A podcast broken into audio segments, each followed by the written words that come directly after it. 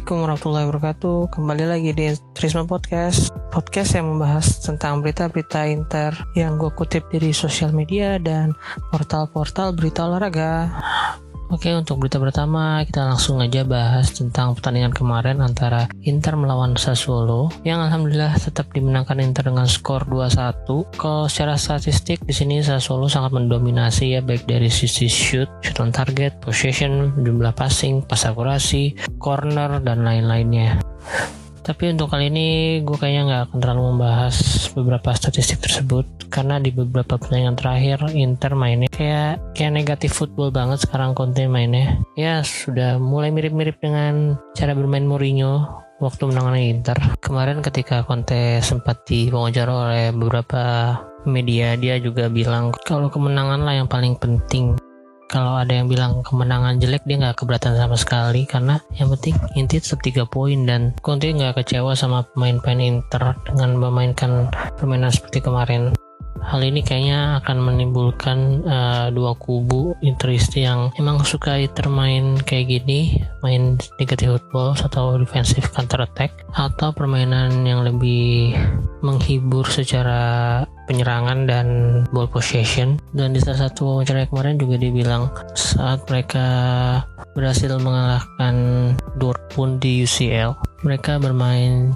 bagus dan menyerang tapi ujung-ujungnya Inter tetap tersingkir di UCL kalimatnya kurang lebih gini estetika itu bagus tetapi Scudetto itu terlalu penting. Kami memainkan sepak bola indah di Liga Champions tapi yang dibicarakan semua orang adalah kami tersingkir. Jadi sekarang kami harus fokus pada hasil akhir ini sebenarnya cocok juga dengan filosofi bermainnya Mourinho waktu itu. Dan kalau opini gue sebagai interista gue sih setuju-setuju aja ya. Mungkin banyak yang gak setuju juga cuman selama itu menghasilkan 3 poin dan kemenangan mau dengan cara bagus atau jelek pun ya tetap kemenangan. Dan sebenarnya kalau mau dilihat-lihat dari menit pertama sebenarnya Inter nggak main buruk-buruk amat ya semalam. Sebenarnya kata yang lebih tepat untuk menggambarkan permainan Inter kemarin itu ya adalah efektif dan efisien dan gua, dua gol yang tercipta pun terbentuk dari proses counter attack yang sangat baik ya. Untuk di gol pertama dicetak oleh Lukaku di menit ke-10 itu pun ber berawal dari counter attack di sisi kanan menyerang Inter kemudian di switch play ke bola jauh ke asli yang di sisi kiri menurut gue itu bukan kebetulan atau beruntung aja sih Lautaro bisa menemukan asli yang di posisi seperti itu. Padahal dia pastinya juga nggak terlalu melihat 100% ke asli yang. Tapi menurut gue itu adalah uh, pola-pola yang sering dilakukan oleh Inter di beberapa musim ini atau bahkan kayaknya sering dilakukan di pertandingan-pertandingan latih tanding mereka. Dan itu juga pernah sempat dibahas oleh Savage Football dan Ruang Taktik di Twitter. Jadi memang menurut gue sih permainan Conte di beberapa pertandingan ini benar-benar emang mastermind taktik dia ya bukan hanya kemenangan dan keberuntungan semata. Untuk gol kedua Inter dicetak oleh Lautaro di menit 67 juga prosesnya kurang lebih sama. Proses dari counter attack uh, di sisi penyerangan sebelah kanan Inter dengan memberikan long pass langsung ke arah Lukaku. Kemudian Lukaku berduel dengan Marlon ya kalau nggak salah Marlon dapat Riches ya. Harusnya sih Marlon yang jagain Lukaku semalam. Dia beradu sprint dan itu emang udah trademarknya selama ini di Inter. One on one dengan mengandalkan kecepatan dan powernya. Lalu dia cukup jeli untuk memberikan trupas ke Lautaro yang akhirnya bisa melepaskan tembakan mendatar yang cukup bagus juga ke arah kiri penjaga gawang Sassuolo yaitu Andrea Consili dan sebenarnya juga Inter bisa mencetakkan beberapa gol lagi ya sekitar dua atau tiga lagi lah. Yang gue inget sih dua kalau nggak banyak error pas saat melakukan counter attack kalau yang gue paling inget tuh peluangnya Alexis Sanchez dan ya peluang terakhir Lukaku yang dianggap offside oleh hakim garis. Kalau Alexis Sanchez sih itu karena kayaknya dia udah jarang melakukan tendangan-tendangan kayak gitu ya. Sebenarnya tuh dia pernah melakukan chip atau lob shoot kayak gitu ketika di El Clasico. Saat dia bermain di Barcelona dan tandingan itu berakhir dengan skor 2-0 kalau nggak salah jarak dan posisinya hampir sama. Ketika itu dia berhasil menumbangkan Diego Lopez dengan lob shootnya. Kali ini dia gagal untuk uh, melakukan hal yang serupa kepada Andre Consili sebenarnya sih Andre Consili udah udah mati langkah juga cuma memang bolanya sedikit sedikit sedikit melambung di atas Mister. Untuk gol Lukaku yang dianulir sih kayaknya menurut gue itu. Dan memang ada di beberapa screenshot atau foto yang beredar di akun fanpage Inter di sosial media kayaknya itu emang tipis-tipis lah offsetnya antara offset dan tidak offset. Menurut, menurut gue sih itu kayaknya nggak offset ya. Cuman wasit aja emang nggak mau ngeliat VAR lagi karena emang waktunya udah menipis udah masuk injury time juga jadi kayaknya nggak mau lama-lama untuk mengambil waktu melihat VAR.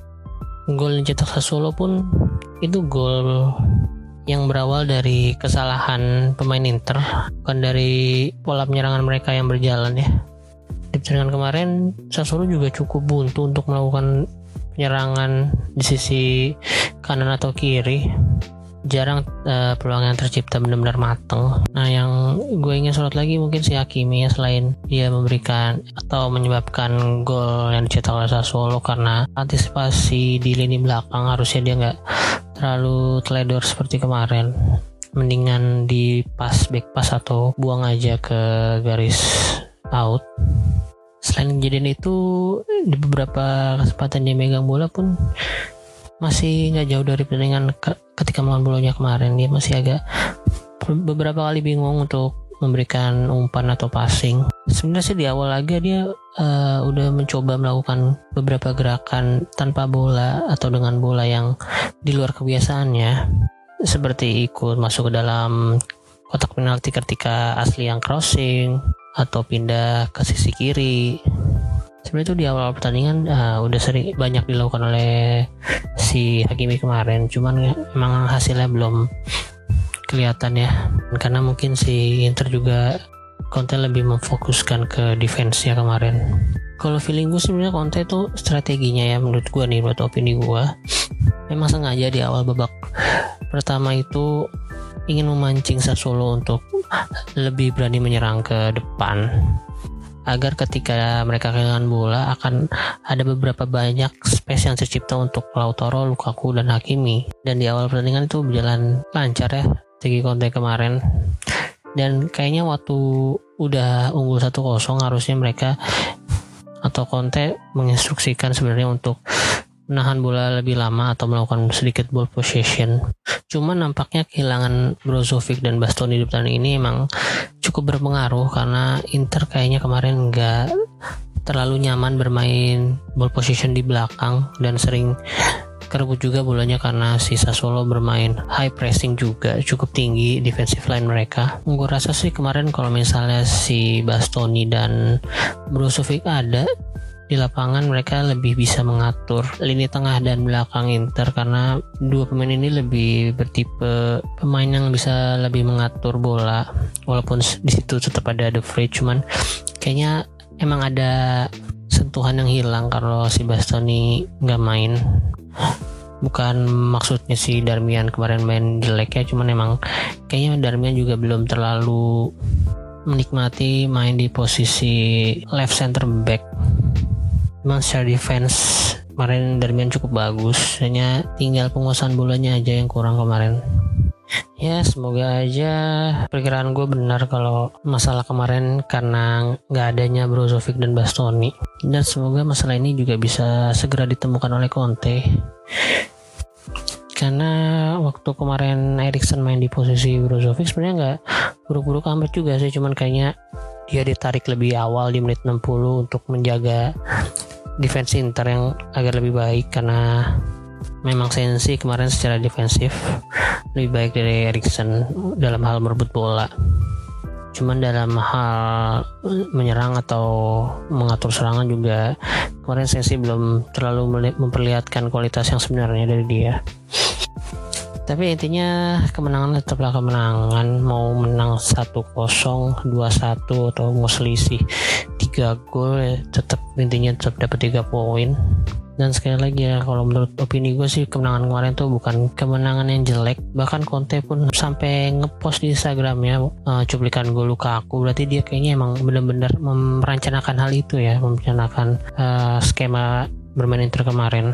Dan karena tampaknya dia juga senang juga sampai nulis caption 424 di Instagramnya Oke, mending kita langsung move on ke pertandingan Inter selanjutnya yaitu Inter akan melawan Cagliari di kandang Cagliari. Eh sorry, ternyata masih di Giuseppe Meazza mainnya. Pertandingan selanjutnya baru Inter akan tandang ke Napoli. Inter akan menjamu Cagliari pada hari Minggu jam 5 sore mainnya kalau di waktu Indonesia Barat. Di ini Inter akan bukan akan lagi ya, atau memang udah resmi kalau si Barella nggak akan bertanding melawan mantan timnya karena terkena akumulasi kartu kuning di pertandingan kemarin. Dan kayaknya untuk posisi Barella kemungkinan akan diisi Gagliardini atau Vecino sih. Kalau gue sih maunya Vecino cuman kayaknya Conte akan tetap mainin Gagliardini ya. Untuk formasi tetap seperti biasa 352 ada Rafiq goalkeeper belakangnya ada Skriniar ada Fish dan kembali Bastoni kemudian sisi kanan tetap ada Hakimi terus Gagliardini Brozovic Erikson sisi kiri tetap Young. Yang kayaknya karena versi belum benar-benar pulih sepertinya. Kemudian di penyerang ada duet Lukaku Lautaro seperti biasa. Kalau di segi Cagliari, kalau versi Gazeta, prediksinya mereka akan bermain 3-5-2 juga. Kipernya ada Vicario. Karena kemarin Alessio Cragno menyatakan positif COVID juga dan harusnya situasi ini bisa dimanfaatkan Inter ya karena pada pertandingan sebelumnya melawan Cagliari Alessio Cragno bermain sangat bagus berhasil memblok atau menepis beberapa peluang Inter salah satunya yang paling gue itu peluang Barella di kotak penalti itu kemudian di back mereka ada Walukiewicz, Godin dan Rugani. Di tengah mereka ada Nahita Nandes, Marin, Raja Nenggolan, Alfred Duncan dan Liko Giannis. Untuk striker mereka sepertinya akan menurunkan Pavoletti dan Joe Pedro di menit pertama. Sedangkan si Giovanni Simeone ada di bangku cadangan bersama dengan Klavan yang kemarin sempat merepotkan Inter juga. Dan selain itu kali ini Cagliari juga punya kuat kuasa semua yang dibeli dari maksudnya direkrut dari kondisi free agent dan satu nama lagi mereka juga punya Gabriel Zappa ya. Pemain muda besar 21 tahun yang sempat bermain di Inter Primavera. Posisinya sebagai back juga ada di bench dari Cagliari.